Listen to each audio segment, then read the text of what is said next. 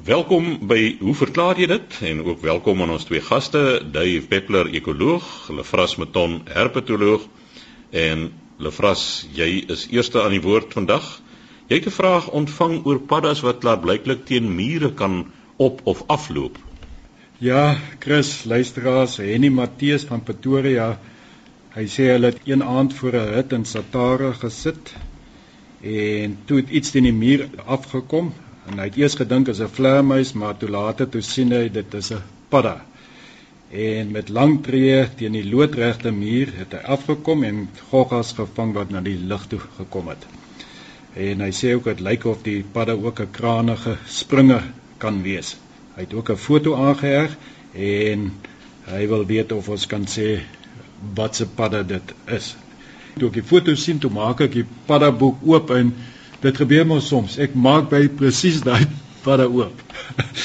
Net so 'n paar keer mense lewe as jy so gelukkig. In elk geval dit is baie baie definitief een van die skuimnes paddas. Interessante paddas, hulle is boompaddas en op die foto kan mens duidelik hierdie skuwe aan die tone sien wat soos kom ons noem dit maar seiertjies werk en wat hulle in staat stel om loodreg teen mure op te loop en hierdie spesifieke spesies is bekend daarvoor dat hy in geboue verandas afdakke oral sal hulle skuil want dit is lekker koel cool gewoonlik en as daar water naby is kan hulle in die aand afkom. Maar ek dink die eintlike interessante deel van hierdie padda is soos wat die naam sê, skuimnes padda. En dit is werklik dat hierdie paddas wanneer hulle eiers lê, dan bou hulle 'n nes van skuim. Gewoonlik bo water in bome.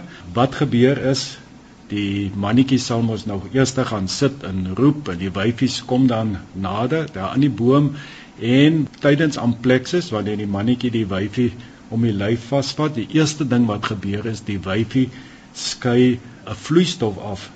As amper soos kom ons noem dit nou maar eie wit of eie geel of wat ook al en dan begin die mannetjie en die wyfie nou te klits met hulle agterpote en hulle klits daai vloeistof dat dit 'n hele skuimbol maak en na so 15 minute of so dan sal die wyfies nou haar eiers lê tot 1000 meer as 1000 eiers word in hierdie skuimmassa gelê soms sal dan van die ander pare wat ook aan amplexus is wat naby is dan word dit sommer so een groot skuimbal en 'n gemeenskaplike skuimnes.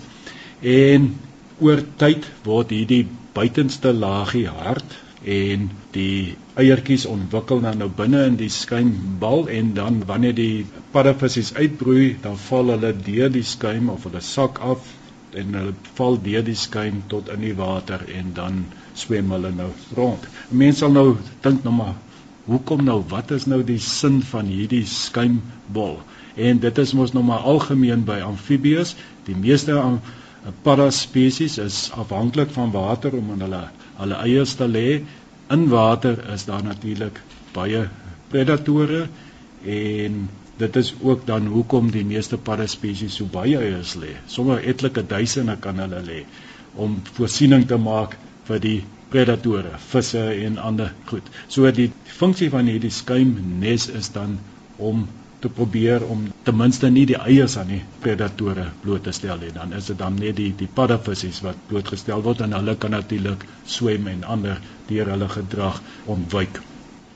So dit is 'n skuimnes padda, interessante paddas. Die spesifieke naam en ek is altyd stom geslaan oor hierdie Afrikaanse name. Dit is die groot grys skuimnes padda. Nou daar het ons dit. Bevras ek is altyd gefassineer deur die berekende of onberekende kansse wat hierdie paddas neem met reën. As jy kyk na die biome van Afrika en jy kyk na die Miombo, is dit 'n uitgestrekte biome wat uh, om die trope lê. Nou ek werk baie daar en dit is gewoonlik gelyk areas, daar's nie baie, daar is uiteraard riviere en insnydings, maar hierdie paddas is eweredig versprei deur die biome.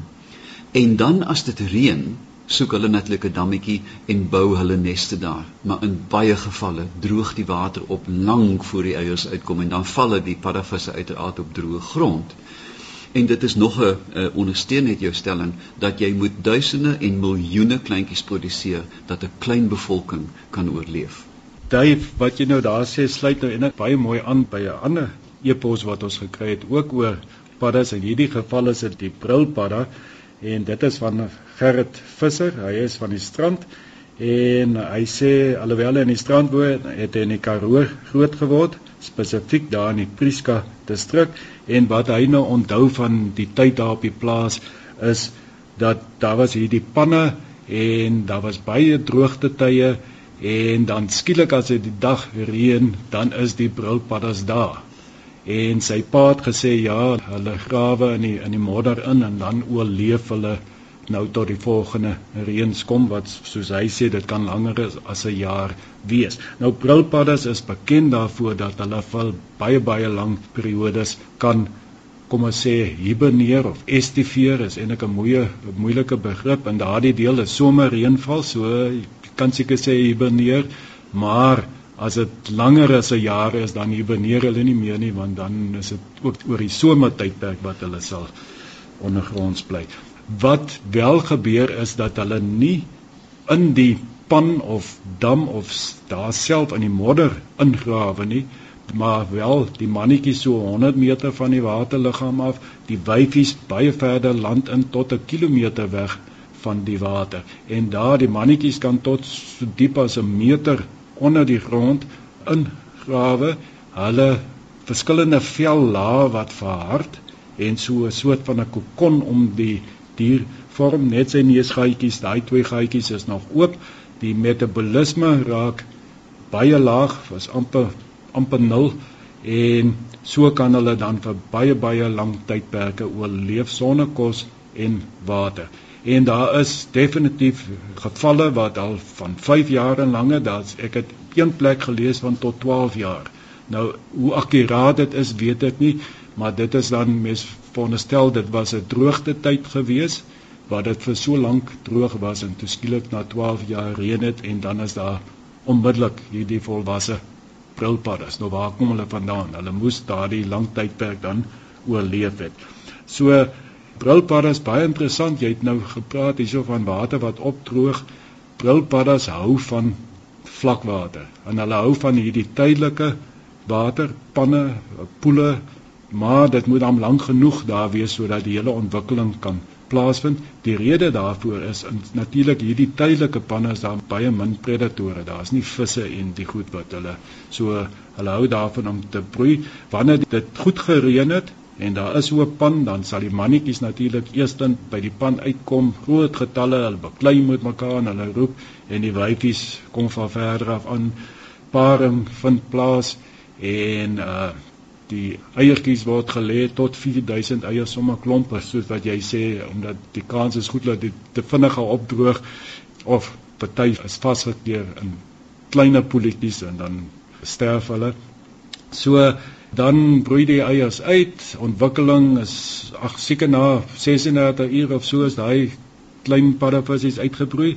En wat baie interessant is dat die brilpaddas, hulle is bekend daarvoor vir ouer sorg die mannetjies veral kan daar by die paddavissies bly en as die pan of poel begin opdroog dan kan hulle selfs gate of slote grawe sodat die paddavissies van 'n kol wat nou erg begin opdroog kan uitkom by die groter poel. Baie interessant.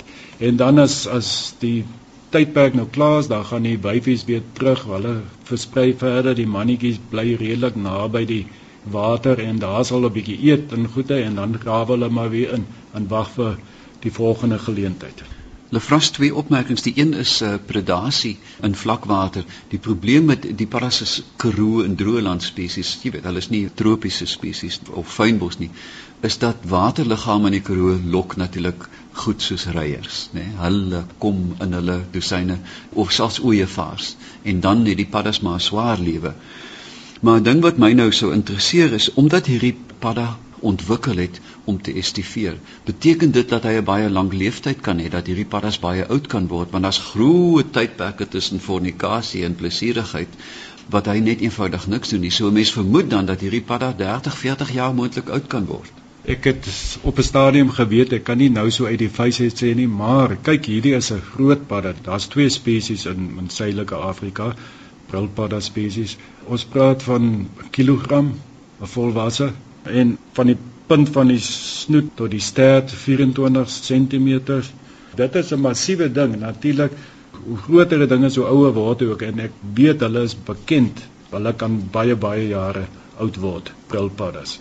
Natuurlik as hy 12 jaar wil STV dan is hy ten minste ouer as 12 jaar aan die einde van daardie periode. Natuurlik om nie metabooliese tempo so laag is vir groot dele, dan gaan hulle ook baie oud word. Mense sou natuurlik 'n heerlike paddabout dan kon maak van daardie uh, brilpadda se bout. Ek is seker van hulle word ek die een spesies se spesies naam is Ediolus. Ek weet nie of dit eet beteken of eetbaar is. So ja, tuurlik. Ja, paddabout is amper so groot as 'n skaapbout of 'n jok. En so gesels professor Lefras Beton, ons herpetoloog oor die twee verskillende padda spesies. En hoe verklaar jy dit? Is ons gaste vandag professor Lefras Beton, herpetoloog en sy kollega Dave Peppler, ekoloog. Dave, ja, jy het nou 'n vraag waarin daar menslike emosies aan diere toegedig word, kan voels deur 'n rouproses gaan. Chris, ek benader hierdie vraag baie baie versigtig, maar ek dink dit is 'n boeiende vraag. Uit Kanaven skryf Johan Jordan die volgende: Jare gelede het 'n tortelduif eendag genes in 'n boom in my agterplaas kom bou en ek het agtergekom dat die mannetjie snags elders vertoef en dan vroegsoggens sy wyfie met 'n fanfare kom aflos. Hy het nou geluide gemaak. Eendag het 'n kat die wyfie met haar twee kleintjies gevang en toe die mannetjie opdaag, was hulle weg. Vir 2 weke het die mannetjie elke oggend na sy gesin kom soek, te vergees op die dag gesit en koer. Nou ja, dis 'n emosionele ding, jy weet hierso is 'n rouproses. My vraag aan die kenner of daardie voel deur 'n rouproses gegaan het. Ek sien al uh, hulle vras skuif sy stoel heen en weer want hy's 'n duiweboer en hy gaan vir my nou hierso presies vertel hoe duiwe kan rou. Maar kom ons gaan haal die storie effens effens verder. Indien 'n organisme rou, beteken dit dan dat daar 'n individuele bewustheid is, dink ek, van diself, wie is ek, wie is die ander? En sonder daardie proses kan daar nie rou wees nie. Dan moet 'n bewustheid, 'n sentrale bewustheid wees. Dan is die eerste vraag: Is dit beperk tot diere en wat het dit te doen met paringsstelsels? Met ander woorde, indien jy nie iemand ken of aan iemand verbind is deur 'n stelsel nie of 'n verbintenis nie, kan jy vir hom of haar nie mis nie. Nou ja, wat is 'n paringsstelsel? Paringsstelsel dis hoe 'n groep gekonstrueer is, 'n groep van organismes ten opsigte van hulle seksuele gedrag. Hoe is hulle aan mekaar verbind? Met ander woorde, ons het 'n paar terme daarvoor, daar is tussenterme ook, maar daar is iets soos monogamie. Mense of diere baie voorbeelde by die mense wat dan 'n permanente paar uh, verbintenis vorm en hopelik dan volgens wet en kapittel by mekaar bly. Dan is daar poligamie.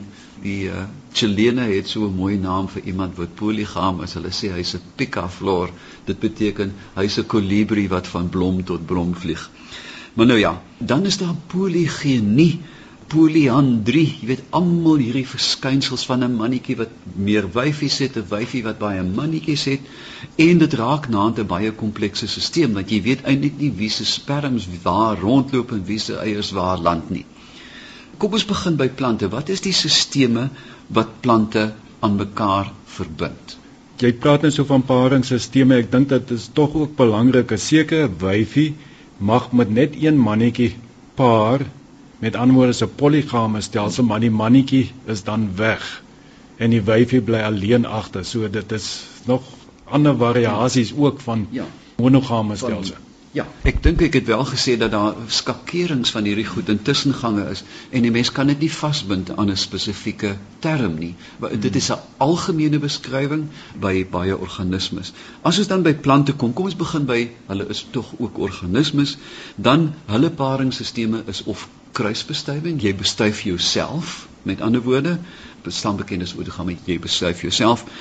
Apomixis waar jy byvoorbeeld aseksueel kan voorberei, jy kan kruisbestuif. Daar's heelwat maniere om mekaar of ander of jouself te bestuif en so voor te bring. Met ander woorde dan het jy dan 'n aantal organismes. Sal 'n appel sy suster mis? Die antwoord is uiteraard nee, nie wat ons van weet nie. Daar is nie geen verbintenis soos ons dit in die diereryk ken nie. Dan by die diereryk waar ons dit die meeste sal teenkom vermoed ek is by monogamie waar organismes so swane, kraaie, roofvoëls, primate, sommige primate, die hoër primate monogam is met ander woorde aan 'n sekere individu verbind is tot een van hulle sterf.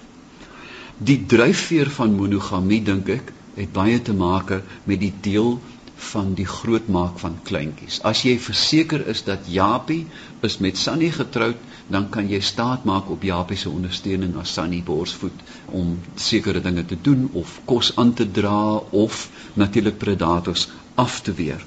En in monogame sisteme vind 'n mens dan ook dat gewoonlik is die kroos kleiner, ons het die seleksie K seleksie ensovoorts wat ons nou baie goed ken, maar by monogame sisteme is daar gewoonlik minder kleintjies, gewoonlik een waar die belegging dan vir 'n baie lang tyd daarna baie intensief is deur. Ons kyk na dinge soos walvisse by mense en ook primate waar die wyfie vir 'n jaar of 3 aan hierdie skreeuende baba gekoppel is. Jy kry dit by groot arende en uiteraard soos gesê het by die mens. Nog 'n ding wat 'n mens hier moet inbring is natuurlik seksuele dimorfisme. By die poligame sisteme is dit baie gelyk snaaks genoeg. By die mens byvoorbeeld is daar nie sulke opsigtelike dimorfisme nie behalwe by die testies wat vir primate by die mens redelik groot is maar dit is nou nou gaan ons netlik in in, in spermkompetisie wat eintlik 'n ander program is wat ons eintlik lank oor kan gesels. Selfs by die mens is daar groot variasie in hierdie formele verhoudings. As jy kyk na wêreldwyd, na alle kulture, is 80% poligeen. Met ander woorde, monogamie is nie uitsluitlik 'n menslike eienskap nie. Daar is 'n 'n verskriklike lot rondlopery en ontrouheid as 'n mens dit nou in hierdie terme wil stel. Nietemin Ek dink die ekstreme vorm van rou wat 'n mens kry is by die mens. Uiteraard, dit is goed geboekstaaf. Dink aan koningin Victoria wat vir dekades lank soos 'n ou swart teemis rondgeloop het en byna niks met die staat te doen want want die stomme Albert was weg. Ons vind dit van die eerste geskrifte op aarde by Gilgamesh, sy rouproses oor Echidna ensovoorts. Primate, Lefras, jy sal weet dat by die hoër primate soos gorillas en bonobos en sjimpansees kan die lijk van of die liggaampie dan van 'n klein primaat rondgedra word vir etlike weke tot hy uitmekaar val van verrotting. Daar is 'n vaste koppeling die wyfie bly by die liggaampie. Ons sien dit veral by olifante waar die gebeendere oor en oor besoek word en daar is stilte dit word getas daaraan. Dis nie dat dit net rond gestap word en gestamp word nie. Dit is 'n baie versigtige benadering aan die plek van afsterwe van 'n matriarg byvoorbeeld. Dan hoeveel stories het ons nie van huisdiere weet wat deur opsigtelike rouprosesse gaan nie net bloot as hulle 'n maat verloor nie maar ook 'n eienaar die hondjie op die graf ons weet almal van die perd wat gaan staan by die graf ensovoort. Nou ja nou Hoe interpreteer ons dit? Kan ons die dier genoeg wetenskaplik lees dat ons 'n rouproses kan koppel daaraan? Ek dink ons kan afleidings maak. Veral by papegaaie wat gevorderde voels is en baie slim is, vind 'n mens dat indien daar pare is waar die een wil nie eet as die ander een doodgaan nie ensovoorts ensovoorts. Maar nou moet 'n mens versigtig wees hoe lees jy hierdie tekens. Kyk, 'n rob lyk nie mees droewige ding tot jy naby hom kom en hy byt jou neus af. Hy lyk maar net droewig. Hy is nie noodwendig droewig nie. Die probleem is dat ons nooit weet wat in 'n dier se kop aangaan nie, omdat ons die enigste organismes op aarde is wat verbaal kan kommunikeer en sê ek verlang vandag na X dat dit my byna doodmaak. Jy verstaan? Ons gebruik ook uiteraard baie ander insette, die ou ding van reeks en tuiglikheid waar 'n geliefde maak 'n kas oop en jy ruik 'n kledingstuk van 'n geliefde en wonderlike en verskriklike gedagtes kom in 'n vloed terug baie vinnig. Dis 'n baie primitiewe ding by mense, primitiewe dele van die brein is hier betrokke. Maar nou ja, die vras jy's 'n duiweboer, sal 'n duif sy gesel of gesellin mis en verlang as die een sou wegval? Net soos jy gesê het, ek moet ook nou versigtig trap. Dit is so dat duwe raak baie geheg aan mekaar en hulle is ook vir hulle hele lewe gepaar indien omstandighede dit nou sal toelaat. En daardie band tussen mannetjie en wyfie word die sterk band word gebruik om hulle beter te laat vlieg ook. Net daar's allerlei metodes om dan nou die mannetjie of die wyfies op 'n houle apart en laat hulle mekaar net so sien voor die wedvlug. Allerlei verskillende tegnieke en alles gaan maar daaroor oor daardie band tussen die mannetjies en die wyfies. Nou moet ek ook aan sê, nou sal 'n mannetjie weg wees en ek kry die indruk dat 'n wyfie seker waar die mannetjies ook redelik vinnig daarna as hulle weer kyk hulle al weer rond. Jy weet, sommige binne sommige sal bietjie langer vat, maar ander is vir al die is, mooi wyfies. ja. Maar ek wil tog net sê, ag, is mens net na honde en katte, die feit dat hulle mense mis as hulle weg is van die huis werk toe of op vakansie, hulle chunk dit wys tog dit is 'n 'n treur proses. Hulle is ongelukkig. Wat is treur? En mis as as jy Dave, ek sien jy dink nou so is dit nou gepas, maar as jy weggaan vir 'n tydperk, dan treur die hond. Hy treur oor jou. Die vraag hier was is daar 'n rouproses of treur tussen intraspesies? Ons praat nou van 'n hond wat sy baas mis, so mens moet die twee ook skei. Maar ek het nou van die veld af teruggekom en ek het 'n optelhond met die naam van Fonnie vir vondeling. En as ek nie liefde in daai dier en blydskap in sy oë sien as ek by die huis kom nie, dan is ek stom. Die Vader weet alleen, dis suiwer, suiwer liefde. Presies, maar as hy so oor jou voel, dan is hy in staat tot dieselfde gedrag teenoor 'n ander hond. Uiteraard. Ek dink wat ons ook moet bysê, ons praat so van bande. Bande moet onderhou word, né? Nee? Daar is lyfkosing, geskenkies, jy verstaan die bosrooi rose, die botteltjie parfuum en dis net so in die diereryk want as jy die goed nie huis toe dra nie dan uh, word die band soms 'n bietjie wispelturig, jy verstaan? Uh, jy moet sekere goed doen om die band aan die gang te hou en ons sien dit duidelik by diere, veral by albatrosse waar daar 'n gevorderde rituele is van lyfkosing en kossies aandra en selfs net geritualiseerde gebare wat sê ek gee om vir jou en ensovoorts ensovoorts. Maar jy's reg, as Fonnie kan bly wees oor my, kan hy seker net so bly wees oor 'n teef. En ek dink ook daar's 'n verskil tussen verskillende diere in dit wat ons kan sien. 'n Voël, wat se gedrag, daar's geen uitdrukking op 'n gesig wat jy kan waarneem. Die ore kan nie hang nie. Die jy weet, jy sien maar net die dier so by honde kan jy tog bietjie uitdrukking en in hulle gedrag raak sien of hulle treur en dit maak dit baie moeilik vir ons om nou te bepaal of 'n dier nou wel treur of nie. Nee, jy's doodreg. My pa het altyd mak kraaie gehad en hulle was versot op hom. Nou die manier wat 'n kraai sy weerloosheid sou wys, is om die kop te laat sak dat jy dit kan krap, nê, nee? want hy ontbloot sy nek en hy sê jy kan my masseer maak as jy wil. So ek dink 'n mens kan in baie opsigte, jy gaan dit nou moeilik by erdwurms lees as hy baie van jou hou, maar Ek dink redelike gevorderde diere kan 'n mens tog sien, jy weet, hulle maak hulle self weerloos. Hulle hulle vlerk optel. Jy weet die ou klein hondjie wat op sy rug gaan lê in sy mees weerlose toestand. Sy byt my in my maag, skop my, maar hier is ek. Ongelukkig kan ons nooit finaal hieroor uitsluit kry nie. Wat voel hy vir my? Is hy net dankbaar want hier is die ou nou terug en nou kan hy weer vir my kos aandra? Of is hy werklik bly om my te sien? En as ek na 'n dier se oë kyk, as wetenskaplike en as mens, dan sien ek suiwer liefde. En dit beteken dat as hy vir my lief is, gaan hy my mis as ek weg is die dag. Wel, Dave, as dit nie so was nie, watter ander iets sorg dan dat mannetjie en 'n wyfie bymekaar bly? Daar is tog dan daardie band dat hulle vir baie jare 'n paar bly. Praat nou van voels seker voel spesifiek.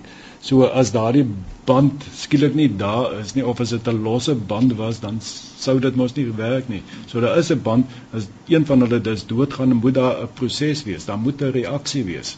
Ek dink so. Dit verskil ook van spesies. As jy kyk na roofvoëls byvoorbeeld.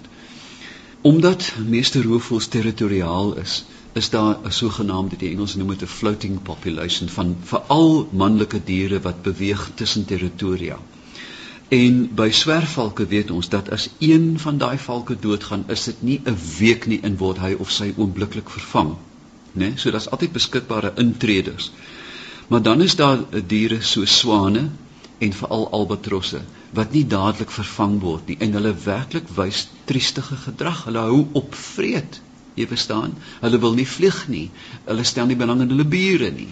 So weer eens Ek kan nie verseker sê is dit nou sommer net moedigheid omdat ek nie iemand het om vir my te sorg, om my kop skoon te maak en vir my kos te bring nie, of is daar hierdie waarlike leegte in die hart nie? Ek weet nie. So meer is nou praat, raak dit nou vir my al moeiliker. Wat is die definisie van treur? Wat is hartseer? Waarvan praat ons nou? In terme van 'n die dier nou, wat is dit? emosionele leegheid en verlange. Jy weet soos die mens dit sou beskryf want ons het geen ander verwysing nie. Ons moet dit koppel aan wat ons ken as rou.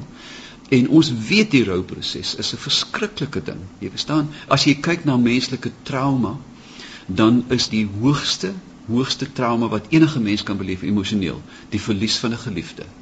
Dan egskeiding en dan dink ek motorkoop in die bouers daarna. Maar ek sou die bouers hoor skik. en dan weet ons presies wat die rouproses, jy kan dit fisiologies meet aan die hele stelsel. Jy verstaan daar is endorfine wat heen en weer hardloop of 'n gebrek daaraan en daar's kliniese bedruktheid wat jy kan meet teesdae.